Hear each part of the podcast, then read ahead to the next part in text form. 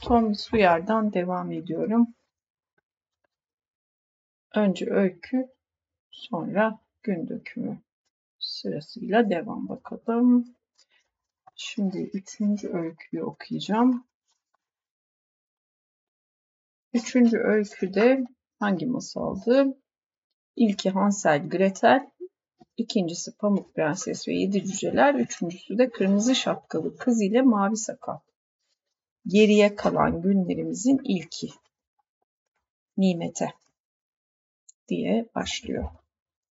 Yaz gülü elinde sepeti kırlarda yol alıyordu. Hava sabahın bu ilk saatlerinde ne güzeldi. Güneş yumuşak bir ütü geçiyordu kıra. Topraktan bir buğu yükseliyordu. Bu buğu biten yazın sarısıyla uyum içindeydi. Okuma uzaklığından bakıldığında yaz gülü mevsim sonu indiriminden yararlanıp aldığı kırmızı tulumu, kırmızı pabuçları, sepetini örten alacalı mendiliyle sarı bozkırda ansızın açmış bir gelinci andırıyordu. Kırlarda hiç gürültü yoktu. Cırcır böceğinin yaz boyu çığırdığı türkü daha bir pesleşmişti. Demek güz gelmişti artık. Yine de zamanın tek belirleyicisi radyodan yükselen içli şarkılardı. Her cuma nerede olursa olsun yabancı bir istasyondan yayınlanan bu müzik programını dinlerdi Yazgül'ü.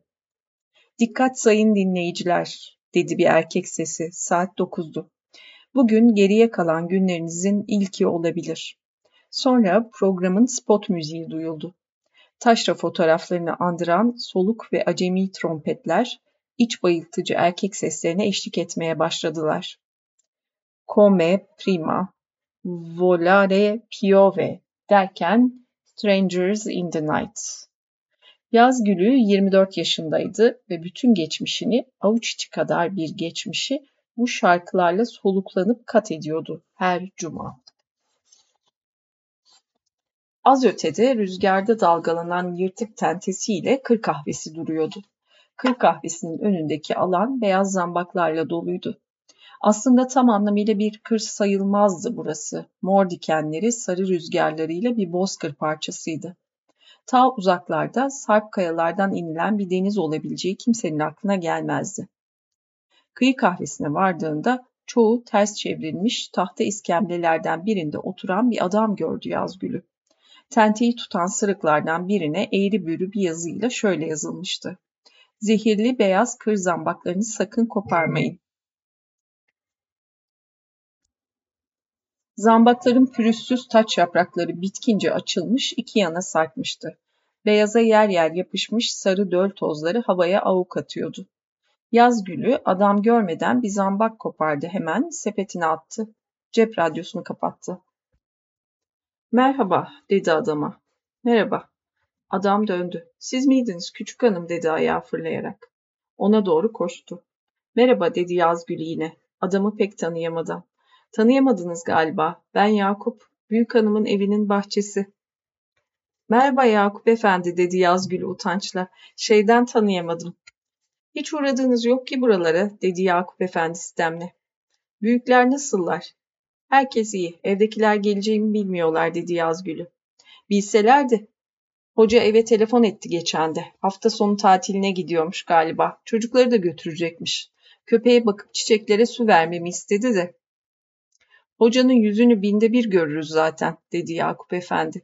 Hep bir yerlere gider. Bizim hanım onun ev işlerini görüyor ara sıra. İkizleri pek seviyor. Senin hanım ölmedi miydi? dedi Yazgül şaşkınlıkla. Bu yeni hanım. Geçen de bir daha evlendim dedi Yakup Efendi. Buralarda yalnızlık çekilmiyor. Kış geldi mi incin olmaz ortalıkta. Avcılık, balıkçılık falan oyalanıp gidiyoruz.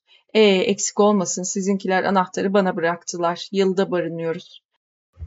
Benim eski hanım da temizliğe giderdi hocaya. Üç beş kuruş ama olsun. Bizim etimiz budumuz ne ki? Değil mi küçük hanım? Estağfurullah dedi Yazgül geleneksel sesiyle. Geçen de hanım dedi ki bir takım adamlar gelmişler. Müteahhit mi neymişler? Sizin yalıyı ölçüp biçmişler. Yıkıp yenisini yapacaklarmış. Annem söz etmedi bundan dedi Yazgül. Zaten bakımsızlıktan yıkıldı yıkılacak. Siz de olmasanız. Her gün üst katları da havalandırıyoruz ama ne fayda. Küf kokusu bir türlü geçmiyor. Her yana, her yana silmiş ıslaklık. Hele kışın bir göz odayı bile ısıtamıyoruz. Ya dedi Yazgül'ü düşünmeden. Bilmezsiniz annenizin zamanında daha siz uzaklara şehre gitmeden geceleri ne eğlenirlerdi burada gençler. Işıklar sabaha kadar yanardı. Anneniz sizin yaşınızdayken. Yazgül'ü olmayan geçmişine yandı. Yalnızca bir kere bir yaz sabahı çok erken saatlerde iskeleden gazete almaya gittiğinde takaların önünde sırayla balık bekleyen cılız kedileri anımsadı. Yalı ile ilgili bütün geçmişi bu kadardı. Bir de gecelik entarisiyle dolaşan gözlüklü babaannenin her ikindi pişirdiği çörekler. Bana uzun yıllar yetecek bir geçmiş elde edebilmek için neler yapabilirim acaba diye düşündü Yazgül'ü. Daldınız dedi Yakup Efendi. İsterseniz mola verin biraz, bir çayımızı için. Ben gitmek zorundayım. Hanım ağırlar sizi. Zeynep, Zeynep. Kır kahvesinin mutfak bölmesinden kadın çıktı. Bak bu bizim küçük hanım dedi Yakup Efendi gururla. Bu da bizim yeni hanım. Yazgül'ü elini uzattı ama kadın ona arkasına dönmüştü bile. Mutfağa giriyordu. Üstünde mavi mineli beyaz bir basma entari, başında gözlerini örten iğne oyalı bir yemeni vardı. Yaşı belli değildi. Siz geçin içeri dedi Yakup Efendi. Arkadaşlar bekliyorlar. Ben gecikmeyeyim. Yazgül arkasına döndü ve o zaman toprak yolda zambakların bittiği yerde duran traktörü içindeki iki balıkçıyı gördü. Traktöre ağlar yığılmıştı. İzninizle dedi Yakup Efendi. Bir irina görünüyormuş kıyıda bir ikidir. Onu yakalayacağız. Bakalım artık. Yakup dikkatli ol ha diye bağırdı kadın tiz bir sesle. Korkma sen hanım. Akşama evdeyim. Gece lüfere çıkacağız zaten. Balığı, gaz lambasını, mezeyi hazır et. Bu gece dolunay var ama belli olmaz. Hava kapayacak gibi. Bulutlar. Yaz gülü düş gücünü o güne kadar tatmadığı bir dalganın yaladığını duydu. Şakakları zonkladı. Annesinin yabancılarla olur olmaz konuşmaya girişme uyarısını bir kerecik olsun dinlememeye karar verdi. İrina dediğin nedir Yakup Efendi? Bir vatos türüdür. Yarım metre boyunda falandır. Boz renktedir. Kuma gizlenir kuyruğunda bir iğnesi vardır diye sürdürdü bir ansiklopediden okurcasına. Zehirler mi? dedi Yazgülü sesi titreyerek. Zehirleyebilir. Aslında vatoslar pek saldırgan balıklar değildir ama üstüne varırsan saldırabilir. Yani belli olmaz. İğnesini savurur, sersemletir. Diyeceğim zehirlendiğin için değil, sersemlediğin için çökersin dibe, sürüklenirsin. Sen hiç Irina'ya rastladın mı? Ben rastlamadım. Bir arkadaş var bizim o rastladı. Ama iyi yüzücüydü. İrina yetişemeden varmış kıyıya. Hadi Yakup gecikiyorsun diye bağırdı kadın içeriden. İzninizle küçük hanım dedi Yakup efendi. Lastik çizmelerini sürüyerek çıktı kahveden. Yazgülü kala kaldı yerinde. Kadın yanına geldi. Çay istiyor musun? dedi sertçe bir sesle. Yok teşekkür ederim eksik olmayın dedi Yazgülü. Öyleyse al şu pusulayı. Hoca bıraktı giderken. Sana vermemi söyledi. Al, şu da anahtar destesi. Ama evin altını üstüne getireyim deme sakın. Biriniz geldiniz mi her şeyi yerli yerine koymak bana düşüyor. Anahtarları karıştırıyorsunuz. Açmamanız söylenen odaları açıyorsunuz. Yazgül elini uzatsa tutabileceği bir gizin ürpertisiyle sarsıldı. Peki size niye bırakmadı anahtarı? Yani köpeğin bakımını, çiçeklerin sulanmasını. Ne bileyim dedi kadın. Hocanın sağ solu belli olmaz. Ben o koca iti sevmiyorum. Belki ondandır. Kocaman dişli azgın hayvanın teki. Bizim karı koca bir ayda yediğimiz eti anında midesine indirir. Bir öğünde. Ne zaman döneceklermiş tatilden? Pazar akşam herhalde dedi kadın. Ama hoca belli olmaz. Bakarsın sıkılır bu akşam dönüverir. Teşekkür ederim. İyi günler dedi Yazgül'ü. Unutma bak anahtarlarla oynama. Yere düşürüp dağıtma desteği. Sizler gittikten sonra yenilerini yaptırmak, kilitleri değiştirmek gerekiyor. Hoca çok kızıyor. Bizim beyin eski karısı da boyuna karıştırırmış orayı burayı. Hoca onu bağışlamadı derler. Unutmam, merak etmeyin dedi Yazgül'ü. Yazgül'ü kayalara oyulmuş basamaklardan indi, yalıya vardı. Destedeki en büyük anahtarı seçti, kapıyı açtı, bir ütü kokusu çarptı burnuna. Güvenli bir evin, sıcak bir kozanın kokusuydu. Nasıl hataları var bunda? Nasıl yapar can yayınları bu kadar şeyi? Güvenli bir evin sıcak bir kozanın kokusuydu. Hoca gitmeden önce ikizlerin okul önlüklerini ütülemiş, beyaz yakalarını kolalayıp askılara asmıştı. Aynalı askının altında yeni boyanmış iki çift küçük beyaz pabuç. Odadaki ütü ve ecza kokusu bu yüzdendi. Pencereler dünden beri açılmamıştı. Yazı masasının üstü darmadağınıktı her zamanki gibi. El yazısıyla alınmış notlar, defterler, bir askerlik arkadaşları fotoğrafı, dosya kağıtları. Hocanın tel çerçeveli gözlüğü notların üstüne gelişi güzel atılmıştı.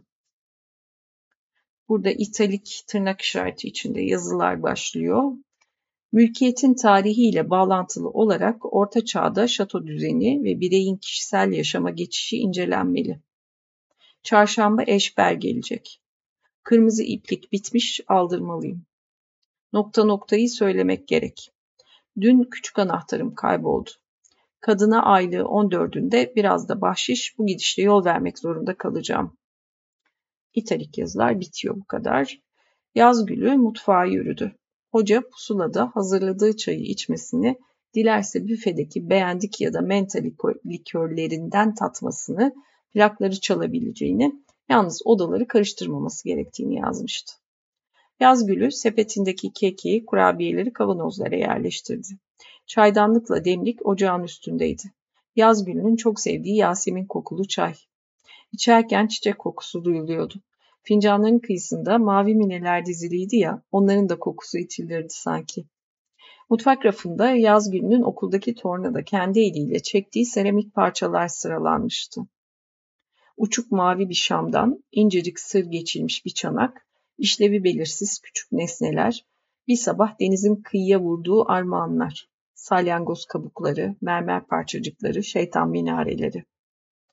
Yaz gülü çayı demledi, sonra ikizlere getirdiği kekten bir parça kesti, yedi. Köpek ortalıkta yoktu.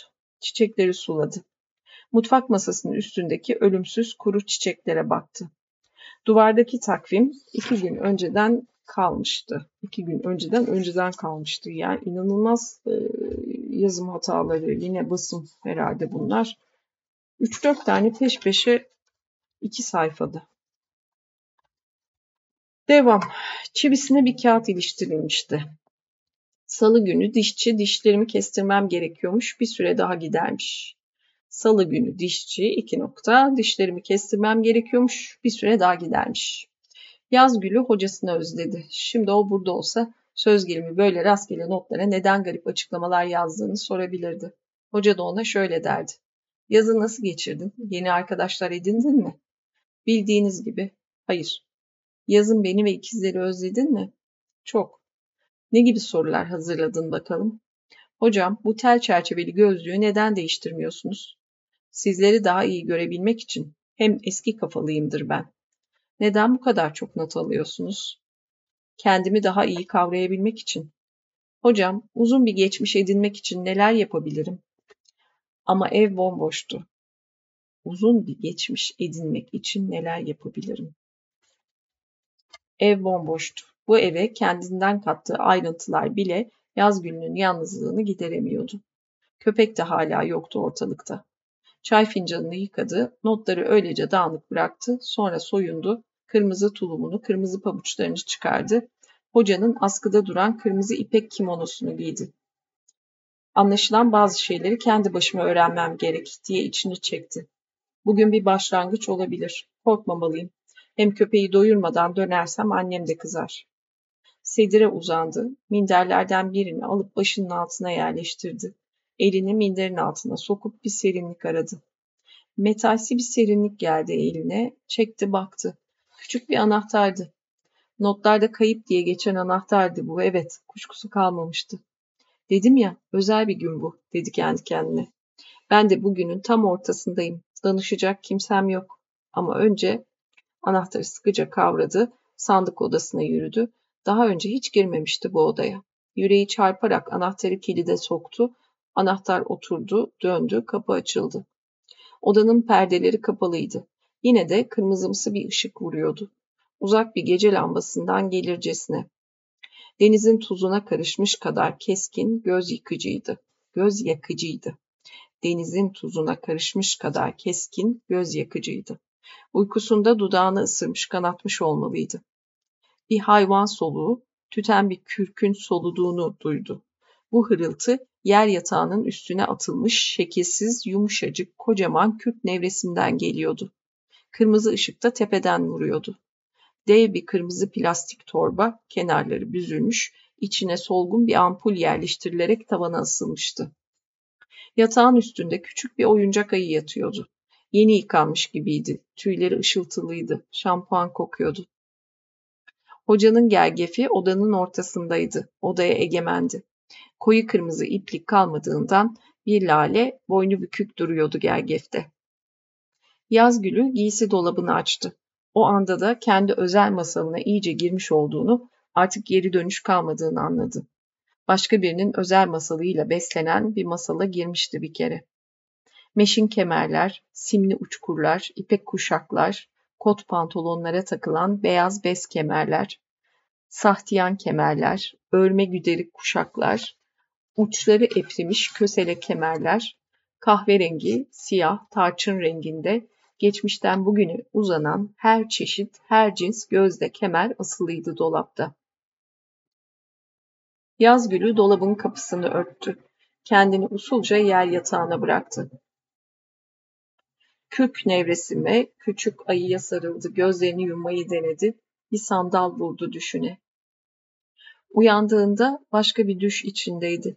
Sanki odanın duvarları gazete kesikleriyle doluymuş, gazetelerden, dergilerden kesilmiş adları bilinmeyen erkek yüzleriyle, oyuncu kartpostallarıyla. Saçları yaz gülünün saçları gibi kesilmiş, yumuşacık bir sarışın bir kıyıda bir göle bakıyormuş. Yaz gülü o gölden odanın duvarına vuran maviye baktı. Kireci zorlayarak girdi öte denize. Göl bir denize açılıyordu. İrina uzakta duruyor, çırpınıyordu. Yaz gülü ilerledi. Kumlar kaçıştı ayaklarının altından. Denizin tabanı bel verdi. Yürümekte direndi yaz gülü. Su boğazına yükselmişti şimdi. Güneşin son ışıkları gözlerini alıyordu. Yine de Irina'yı görebiliyordu. O güzelim vurucu kuyruğu. O doğduğundan beri karşılaşmayı umduğu, özlediği, kaçınmaya çalışıp bir türlü unutamadığı, tutkuyla bağlandığı Irina adında bir vatostu. Şimdi anlıyordu. Kendi kişisel vatosuydu o. Suları yararak ilerlemeye çalıştı. Artık basacak taban kalmamıştı. Irina kaçıyordu boyuna. Ona doğru attığı her adımda biraz daha uzağa. Yürüdü, biraz daha yürüdü. Denizin yeşil gergefi sardı kollarını. Güçlükle soluk alıyordu artık. Sana ince boynumu, karnıma bastırdığım korkak ellerimi uzatacağım, dedi Irina. Dinle. Birazdan Yakup Efendi'nin sandalı açılacak ay aydın geceye. Seni bulacaklar, vuracaklar ve ben geriye kalan günlerimi hep seni aramakla, özlemekle geçireceğim. Irina hızla uzaklaşıyordu. Bir iz bırakmıştı geride. Boz, yapışkan bir iz. O anda oda dolunayın ışığıyla aydınlandı. Arkada bir kapı açılmıştı. Köpek avlıyordu keyifle. Yaz gülü döndü, tam arkasındaydı. Sana ince boynumu, karnıma bastırdığım korkak ellerimi uzatacağım. Dinle, birazdan Yakup Efendi'nin sandalı açılacak ay aydın geceye. Seni bulacaklar, vuracaklar ve ben geriye kalan günlerimi hep seni aramakla, özlemekle geçireceğim. Evet, nokta. Öykü bu kadar. Gün dökümüyle devam 1975'in 15 Nisan'ında kalmış. 15 Nisan. Emniyet sandığına gittim bugün. Babaannemden anneme, ondan da bana kalan bir gerdanlığı son taksidi de ödeyip rehinden kurtardım. Hiç takmayacağım bu güzel oyuncağı çok seviyorum. Gerçi işlevsiz ama çok ince işlenmiş, çok güzel. Babaannemden kalmasaydı belki daha da severdim. Söz gelimi takıp takıştırmayı beceren, güzel, uzak bir kadının boynunda görseydim. Babaannem de öyle güzel bir kadınmış. Fotoğrafından belli zaten. Kendisinden 40 yaş kadar büyük kocasına 7 çocuk doğurduktan sonra ölmüş. Kocası yıllar yılı mebusluk etmiş onun gencecik ölümünden sonra. Buraya kadar iyi de babaannemin iyi yürekli bir kadın olduğu söylenemez. Kırıp geçirirmiş ortalığı. Konuklar gönlünü kazanmak için armağan olarak kızılcık sopası getirirlermiş. O sopalarla çocuklarını ve beslemelerini kıyasıya dövermiş. Refia Hanım'ı tanısaydım hoşlanacağımı hiç sanmıyorum. Gerdanlığını kurtarmamın asıl amacı sevgi değil, bağlılık değil yani. Sıkışınca yeniden rehine vereceğim.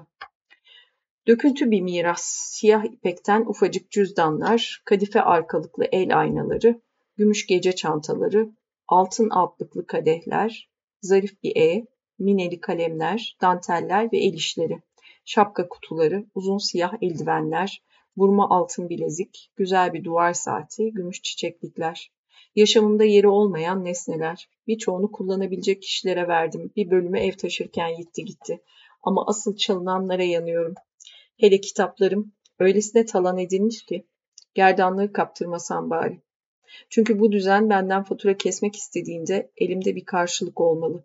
Geçerliği kalmamış bir ince güzellikler dünyasını ayakta tutmak, bugün onların alınış değerinin kaç katı para olanağı gerektiriyor, kaça patlıyor. Hele insan böyle bir çabanın gerekliliğine hiç mi hiç inanmıyorsa. 26 Nisan Halıları çırptırma gibi kolay bir iş yüzünden elim ayağım birbirine dolandı. Komşu apartmanın kapıcısı geldi. İki büyük halıyı bahçede çırpacak, süpürecek. Söylediğine göre yapacak demek. Başında durmak gereksiz. Ben de yemek pişirmeye koyuldum. Bir süre sonra baktım çıt çıkmıyor bahçede. Balkondan aşağı bir göz attım. Adam terini siliyor. Olur ha, daldım patpatları duymadım belki. Girdim yine mutfağa. Sinirden terleyerek bekliyorum. Yok sesmez. Bu kere çaktırmadan çıktım balkona. Adam alay edercesine terini siliyor. Bu durumda yapabileceğim iki şey vardı. Daha doğrusu tek şey. Öbürü onun gidişine bağlı. Adam bana kafa tutarsa kabak dolmalarını dizdiğim güveci keyifle kafasına geçirmek. Yok, aşağıdan alırsa bir süpürme parası verip sağmak. Aşağıdan alsın diye can atıyordum aslında. Çünkü güveci geçiririm, biliyorum. İnanmamak kadar hırslandıran bir şey yoktur beni. Ertesi gün bol renkli bir gazetede okuyacağım manşeti gözlerimin önüne getirdim. Toplumcu geçinen kadın yazar halılarını çırptırdığı zavallı işçinin başına güveç geçirdi. Toplumcu geçinen kadın yazar halılarını çırptırdığı zavallı işçinin başına güveç geçirdi. Sonra ufak harflerle yukarıda olayın geçtiği bahçeyi, halıları, yandaki resimde de suç aleti olan içi dolmayla dolu kırık güveci görüyorsunuz. İşçinin çocukları babalarını hastanede yokladılar. Karısı o hiç de kötü bir kadına benzemiyordu ama insanlar belli olmaz şeklinde konuştu. Çok eğlenceli geldi birden bu düşünce. Canım ben de dünyayla baş etmede büyük güçlükler çekiyorsam aldatılmayı göze almalıyım. İnsanları denetlemek ağır geliyorsa geceleri rahat uyumak için ufak budalılıklara göz yummalıyım. O yüzden de A. Halıları çırptırmamalıyım. Kendi süpürmem yetmeli. B. Arkadaşım Armağan'dan elektrik süpürgesini ödünç alabilirim. C. Kirli halılı bir evde oturabilirim. Ç. Paramın karşılığını beklemeyi, almayı öğrenebilirim. Zamanla alışırım bile belki. 30 Nisan Alt katımızda oturan kiracıdan şöyle bir mektup aldım. Tomris Hanım, bugüne kadar kedilerinizin balkonumda yaptığı zarar listesi aşağıdadır. Artık size bildirme gereği duydum. Bir an bile balkonumuzu kullanamaz hale geldim.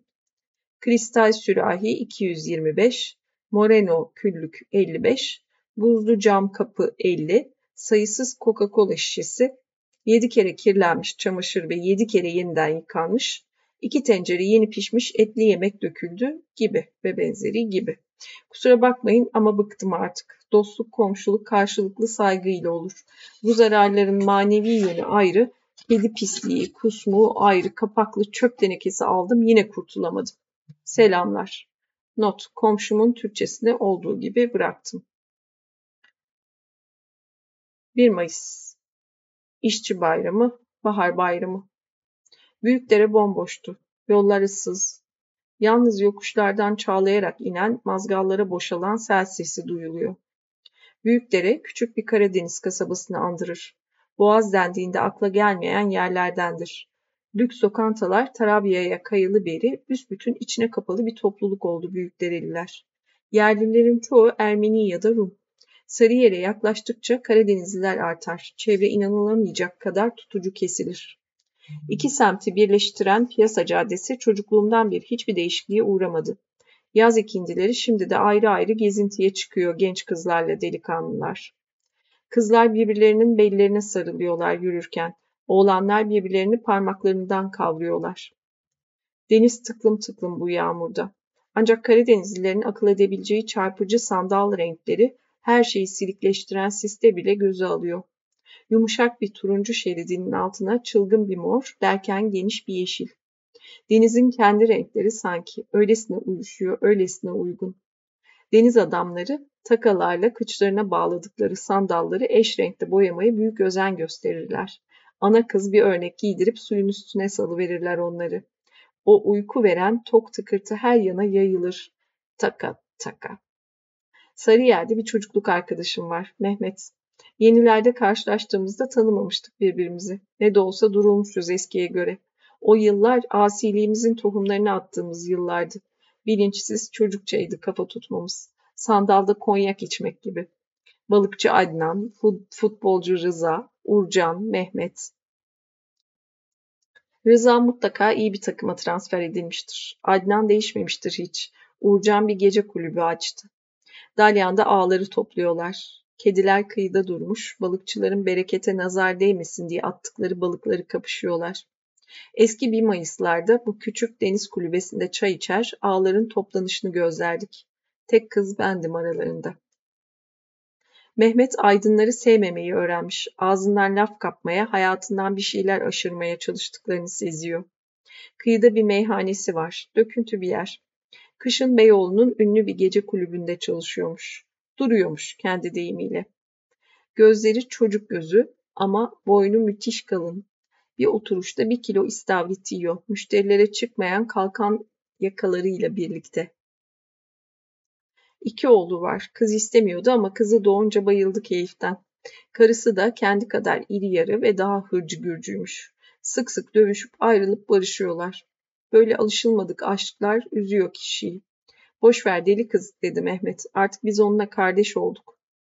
Baktım iyice aklaşmış saçları. Asıl üzüntü veren yaşlanmak değil, uslanmak. Bizlere hiç yakışmıyor üstelik.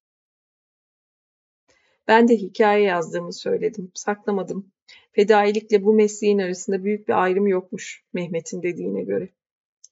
Bolu lokantasına da uğradım. Boğaz'daki son sığınaklardan biridir Bolu. Oraya her gidişimizde sanki ev sahiplerinin son anda bize haber ver, veremeden Oraya her gidişimizde sanki ev sahiplerinin son anda bize haber veremeden gitmek zorunda kaldıklarını düşünürdük. İçki bol, masa hazırdır hep.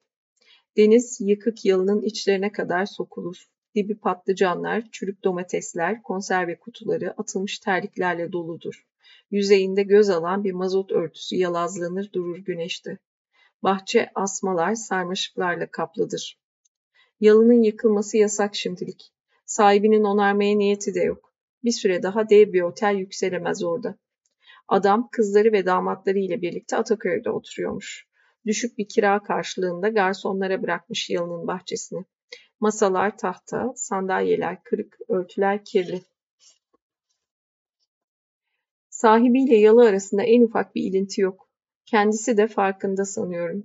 Biraz ürküyor elindeki bulunmaz oyuncaktan. Acaba hangi aile kime satmış, onun eline nereden geçmiş bu arazi parçası? Nasıl sıkışmış olmalılar ilk sahipleri? Nereden nereye?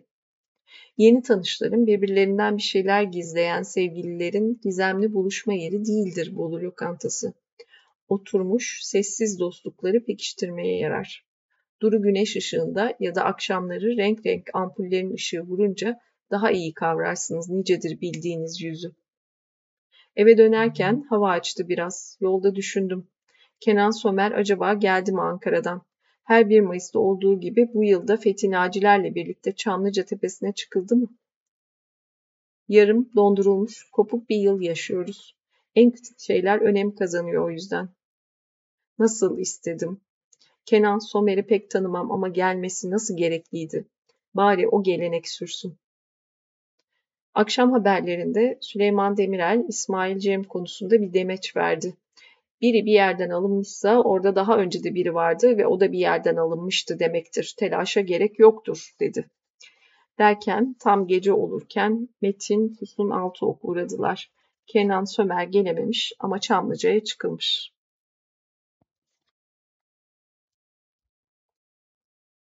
3 Mayıs.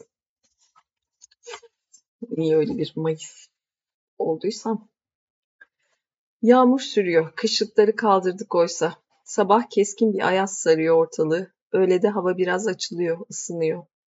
Turgut'un fizik tedavisi için Ankara'ya gideceğiz. Orası daha derli toplu bir kent. Ben de belki dinlenmiş olurum. Salı gününe tren bileti alacağım. Ta salıya kadar yolculuk öncesi telaşı çekeceğim. Bir yere bilet alınca hemen gitmeliyim ben.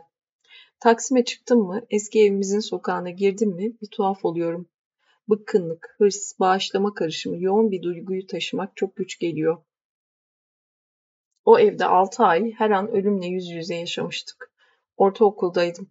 Yandaki kaçak yapı yüzünden birden çatlamıştı duvarlar.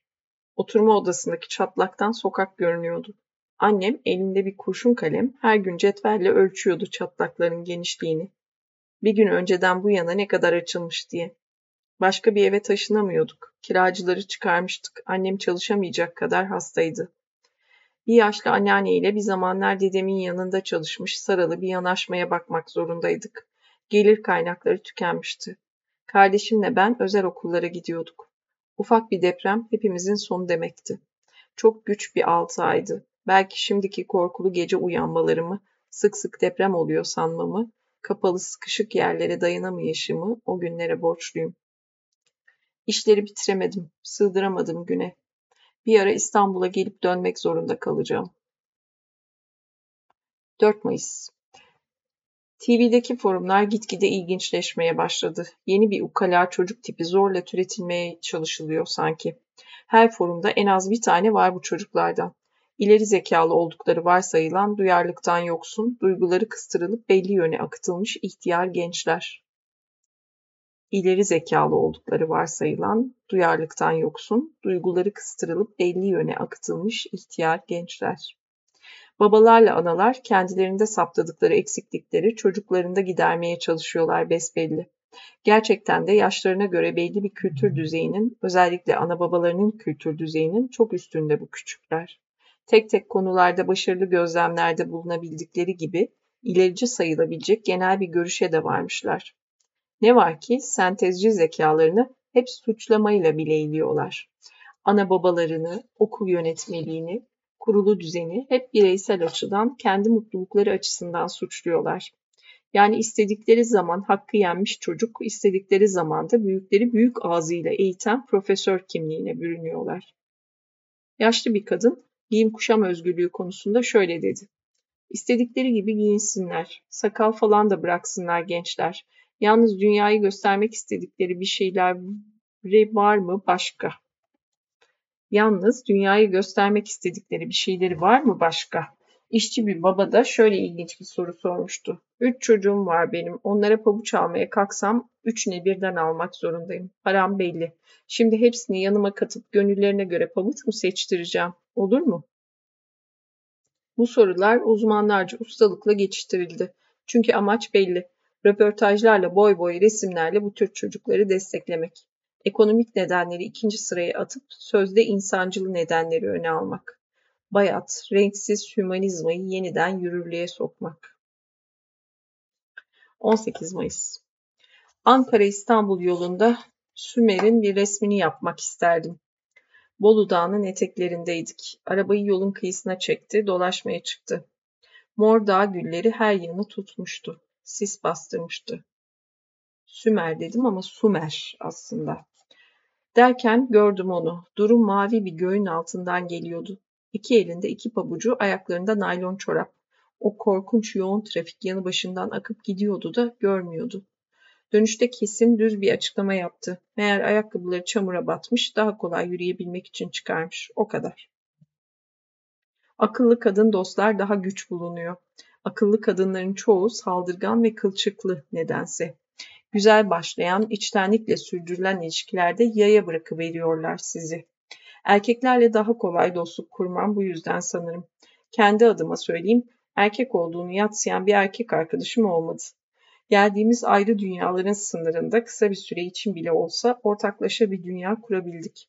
O dünyaya kendi özümüzden kattığımız parçaların bir daha değişemeyeceğini bilerek, boyuna zenginleşerek.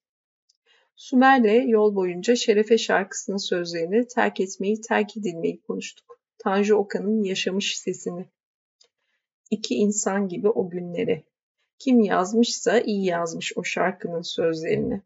Asıl terk edilenin terk eden olduğunu anlamıyor ki kimsecikler. Asıl terk edilenin terk eden olduğunu anlamıyor ki kimsecikler. Terk eder görünen neşteri ortak yaraya batırabilendir çünkü. Bu güç iş ona bırakılmıştır. Yitirdiklerini, yitireceklerini, çekeceği acıları bilse de gerekeni yapmak zorundadır. Daha azla uzlaşmacı değildir. Acıları herkesin onayladığı biçimde çekme tafrasını terk edilene bırakarak, ceketini sırtına atıp kulağına bir karanfil takarak, yola öyle vurarak.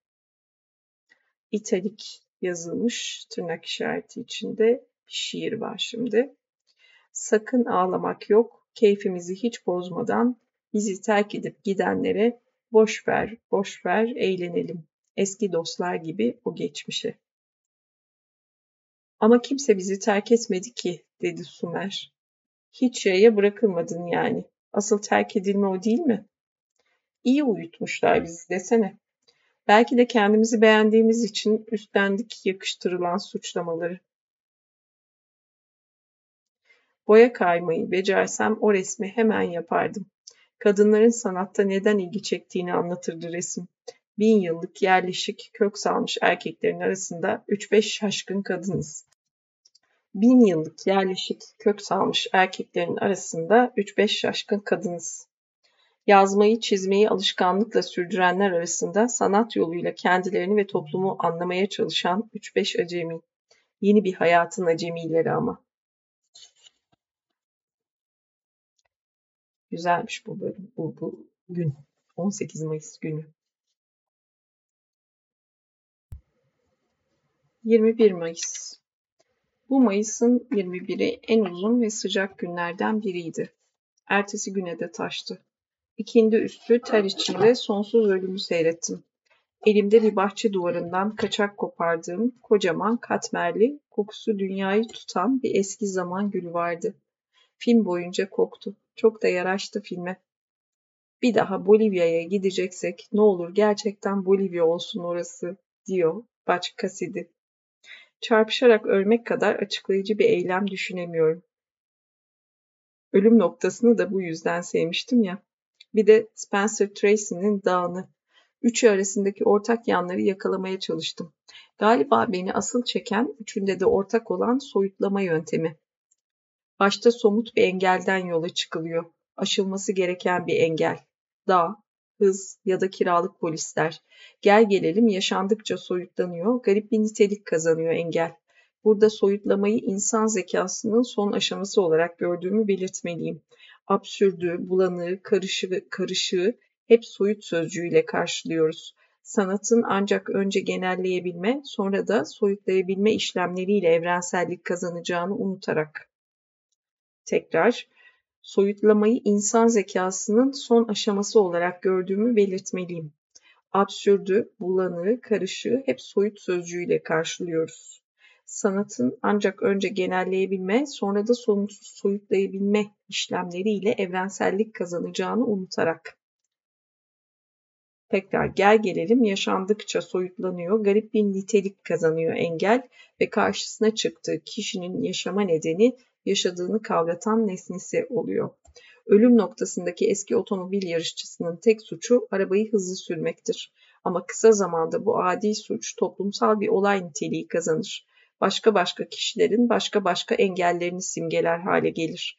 Kimileri desteklerken kimileri düpedüz düşman kesilir sürücüye. Filmde kullanılan sözcüklerle onun nerede duracağı önemli değil artık. Kimlerin onu durdurabileceği önemlidir kendi öz engelini yitirmeye başladığını anlayan yarışçı da önüne çıkan somut duvarı hızla aşarak öte yana geçer. Erişilmez dağın doruğuna çıkabilen Spencer Tracy amacının çarpıtılmaması için onca sevdiği kardeşini bile gözden çıkarmaz mı? Dağı bir daha kendince kazanmak için doruktan inmez mi?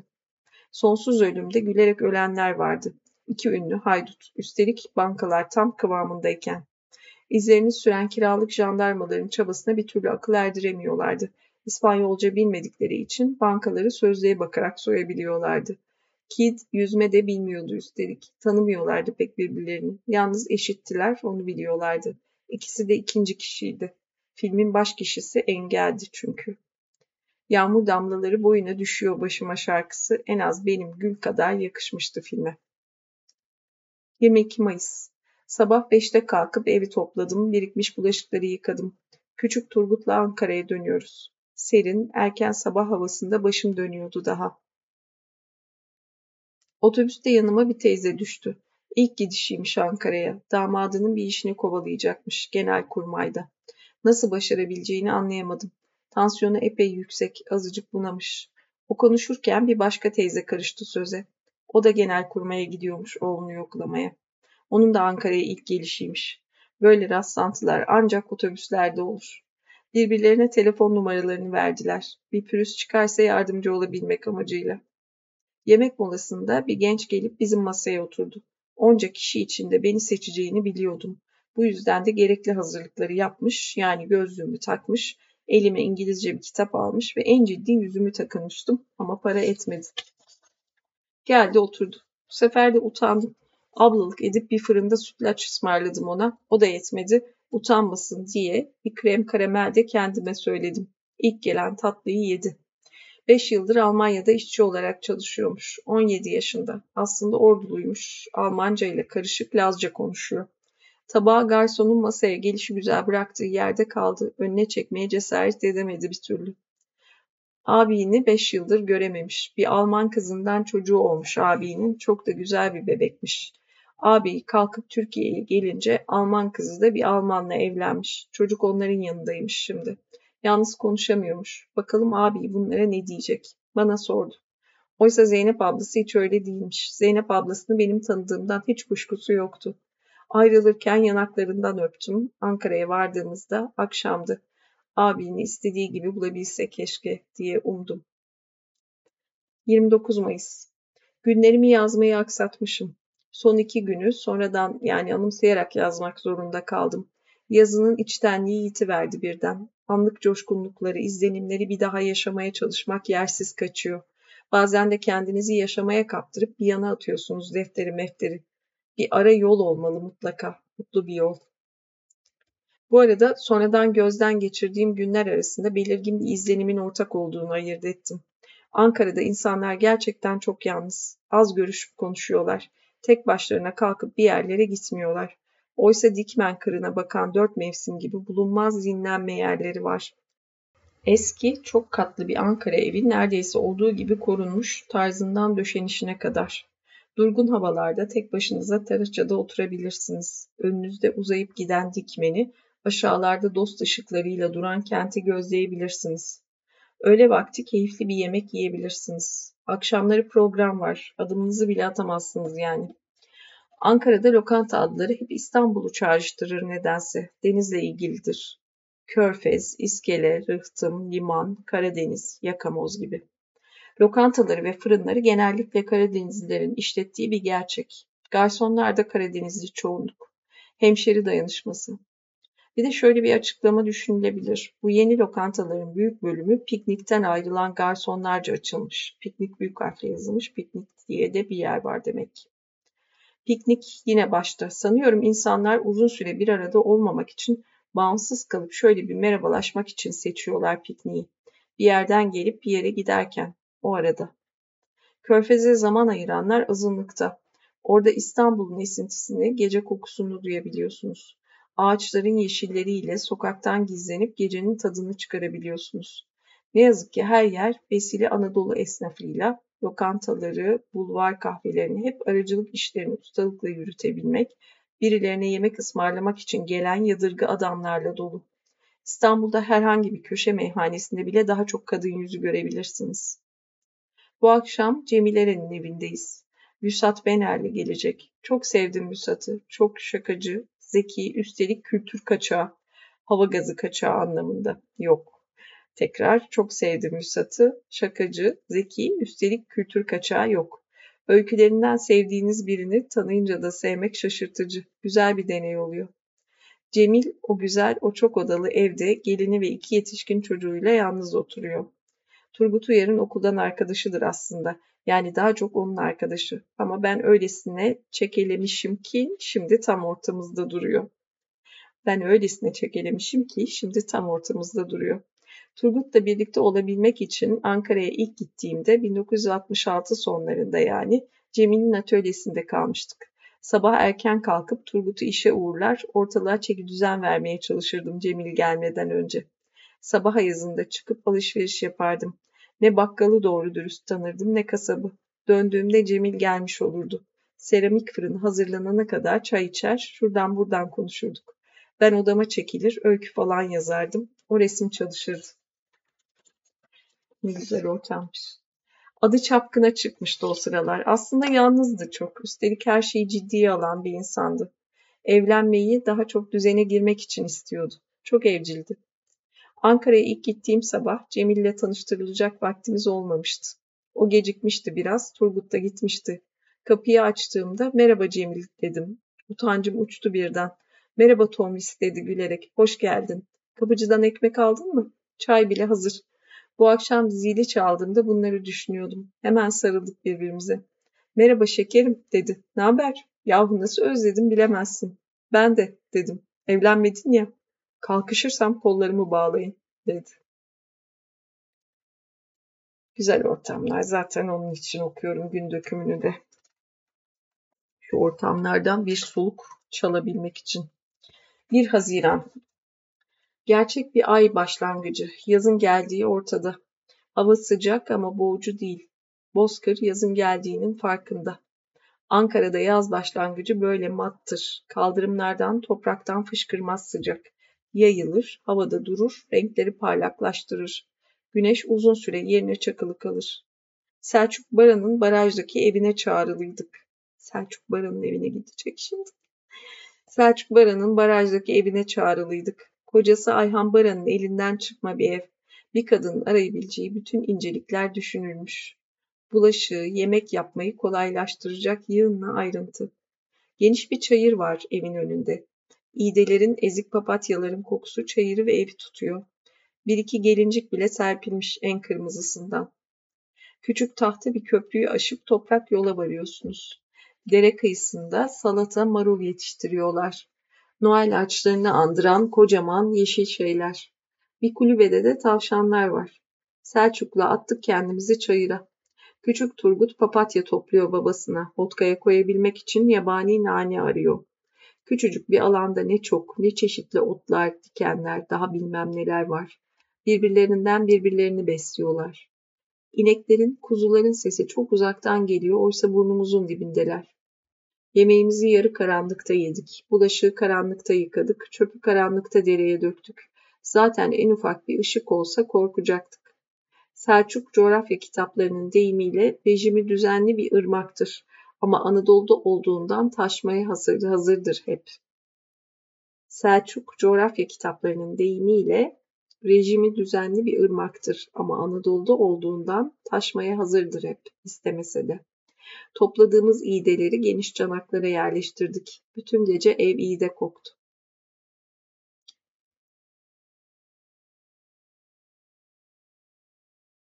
Altı Haziran Selçuk Baran'ı çok severim bu arada. Onun için böyle bir sindirmeye çalıştım yaşadığı dünyayı.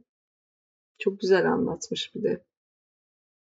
6 Haziran Ankara'da son günümüz. Kuşetli ile dönüyoruz akşam. Tanımadığım bir sürü insanla bir vagonda bütün bir gece geçirmek düşüncesi dünden beri nasıl tedirgin ediyor beni. Ankara'daki dostlarımdan ayrılacağımın üzüntüsü de cava. Belki diyorum daha düzenli çalışabilirim evde. İçime su serpiliyor o zaman. Bu yoğun konuşmalar, çağrılar, uzayan akşamlar biraz da aylak etti beni. İşleri boşladım. Dün Adalet Ağaoğlu ile buluşacaktık. Ben kapıdan çıkarken Bilge Karasu geliyordu. Çankaya'da bir kahvede Adalet'in Sayit Faik ödülünü kutladık.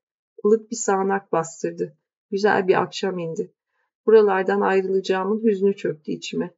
Çünkü düzen kaygısı yetmiyor. Düzensizlik tutkusundan kurtulamıyorum ki.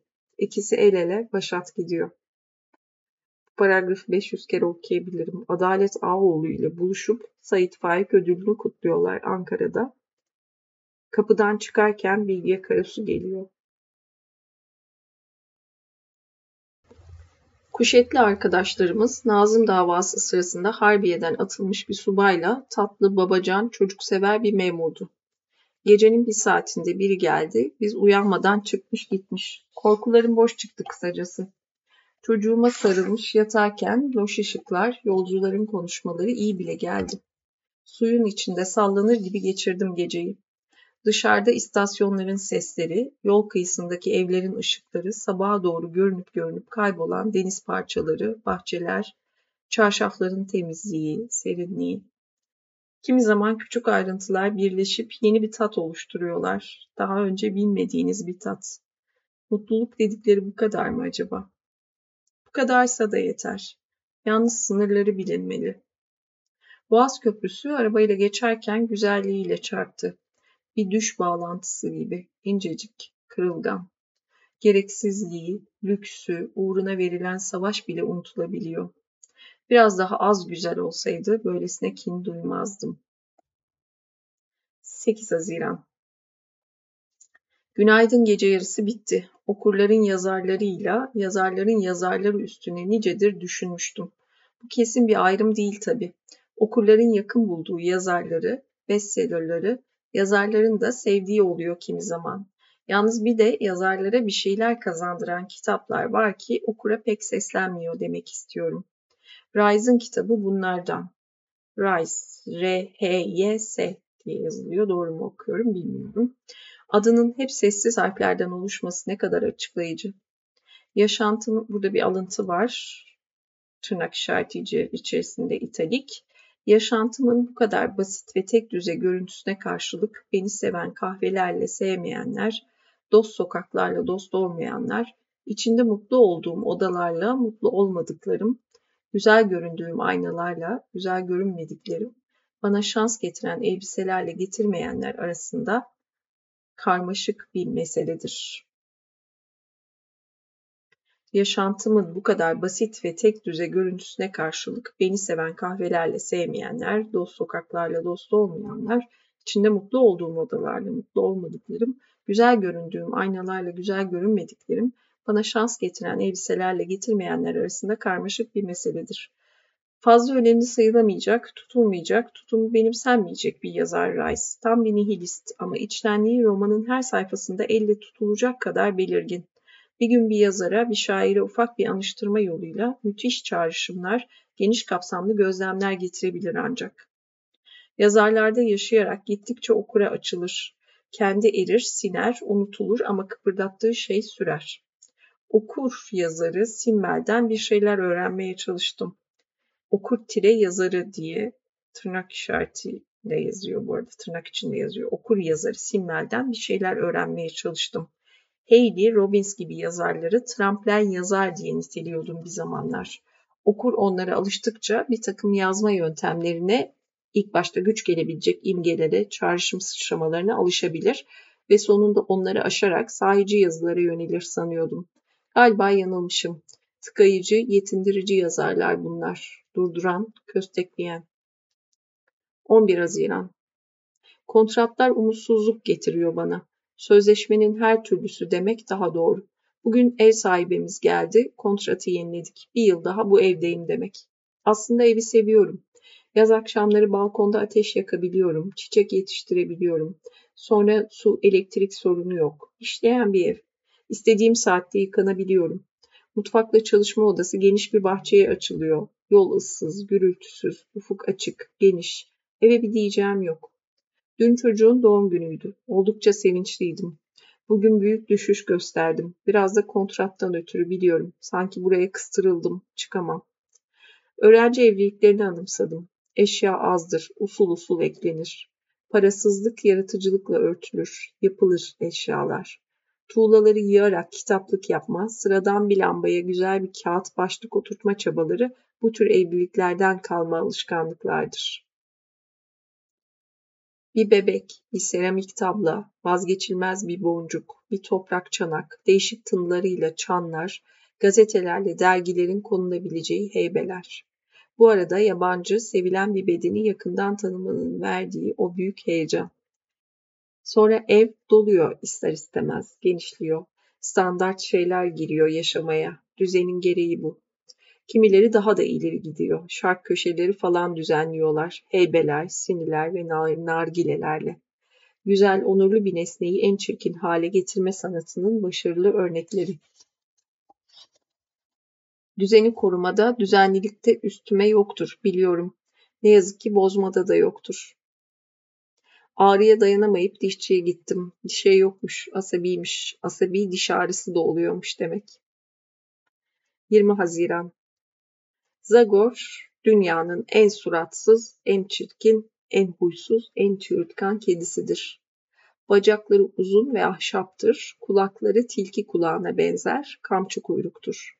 Tüyleri ise kıl tüyleri ise kıl fırçaları andırır. Üstünde eşine rastlanmayacak çirkinlikte bir desen vardır. Ak üstüne boz lekeler ama en kötüsünden ve en yanlış yerlerde. Kendi kendine homurdanır, yemek verilmedi mi konuşur durur, ayağınızı ısırır. Dikkat uzun kedi. Bizim eve zorla girdiğinde de ihtiyardı sanırım. Adını mahallenin çocukları takmış. Kendisi de istedi mi, işine yaradı mı tanıyor adını. Gelişleri Kırlent'le aynı günlere rastlar. Kırlent büyük harfle Kırlent de başka bir kedi demek ki. Kırlent, Marilyn Monroe, Süslü Şefika, Jane Avril karışımı bir dişidir. Bütün gün yalanma ve iş ve üstüne. Alacalı rengi, kısacık bacaklarında düşük bir jartiyeri andıran siyah lekeleriyle, süet burnu, ıslak diliyle göz alıcı güzellikte. Üstelik halk tipi, bodur, geniş kalçası, kalçalı, zekası kıt. Dünya yaratılırken artan kedi tüylerinden örülme bir kırlent, bir köşe yastığı, bütün kedilerden yapılma bir yumuşaklık. O kadar güzel ki kimse çok sevemiyor, sevdiğini açıkça söyleyemiyor. Kırlent sebze sevseydi börülce severdi. Yazar olsaydı Colette olurdu. Oysa Zagor ancak Kont Mazok olabilir. Yemeklerden de yalnızca sığır kemiği çorbasını andırıyor. Köpüğü boyuna alınması gereken iri bir sığır kemiğini. Zagor'un hoşnut olduğu görülmüş şey değildir. Okşanmak istiyorsa okşamak zorundasınızdır. O kadar. Ama korkunç zekasıyla vazgeçilmez bir beladır. Hamal'ın taşıdığı koltukları izleyip yeni evimizi bulan tek kedi odur. Gittiğimizde kapıda bekliyordu. Bugün bin yıllık sokak kedisi Zagor veterinere götürüldü. Pan Amerikan uçaklarının uçan kediler için hazırlattığı şirin bir karton kutuda, özel arabayla. Hey Zagor, bin yaşa sen emi. Veterinerde bir Afgan tazısı, bir Spanyel, bir Danua, bir de Ankara kedisi vardı özel gezdiricilerinin gözetiminde iğneye, aşıya, aşıya pansumana gelmişler. Zagor'un uzun süre sıkıntıya gelemeyeceğini bildiğim için karton evin kapağını açtım. Büyük bir küçümsemeyle süzdü o cins hayvanları, heli köpekleri. Maşallah ne güzel ne sevimli hayvan dedi veteriner 50 liralık reçeteyi yazarken. Şaka etmeyin doktor dedim. Bu mu sevimli? Buradan kafe bulvara gidip birer martini çekeceğiz. Zagor arabada bekler bizi. İlaçlarını da alırız. O bekler. Arabayı hiç yadırgamadı. Zaten dünyaya bakmak en büyük işi. Eve döndüğümüzde kutudan çıkmayarak ayrıcalığını belirtti öbür kedilere. Ne de olsa veteriner görmüş, arabaya binmiş reçeteli bir hayvan. Mozart hatırlatınca da Beethoven ezber. Kimseyi kutusuna yaklaştırmadı. Anlamadım burayı. Mozart hatırlatınca da Beethoven ezber. Mozart hatırlatınca da Beethoven ezber. ezber. Kimseyi kutusuna yaklaştırmadı. Resimli roman kahramanı ilahi Zagor değil bu. Düpedüz ilahi Zagor. Çok güzelmiş bu. Şimdilik nokta olsun. Bir de peş peşe günler ve farklı oradan oraya uçuşmalar olduğu için e, dinlemesi nasıl olacak hakkında hiçbir fikrim yok. Okuması zor. Kesik kesik çünkü. Bir izlekte gitmesi başka, gün gün okunması enteresan. Nokta.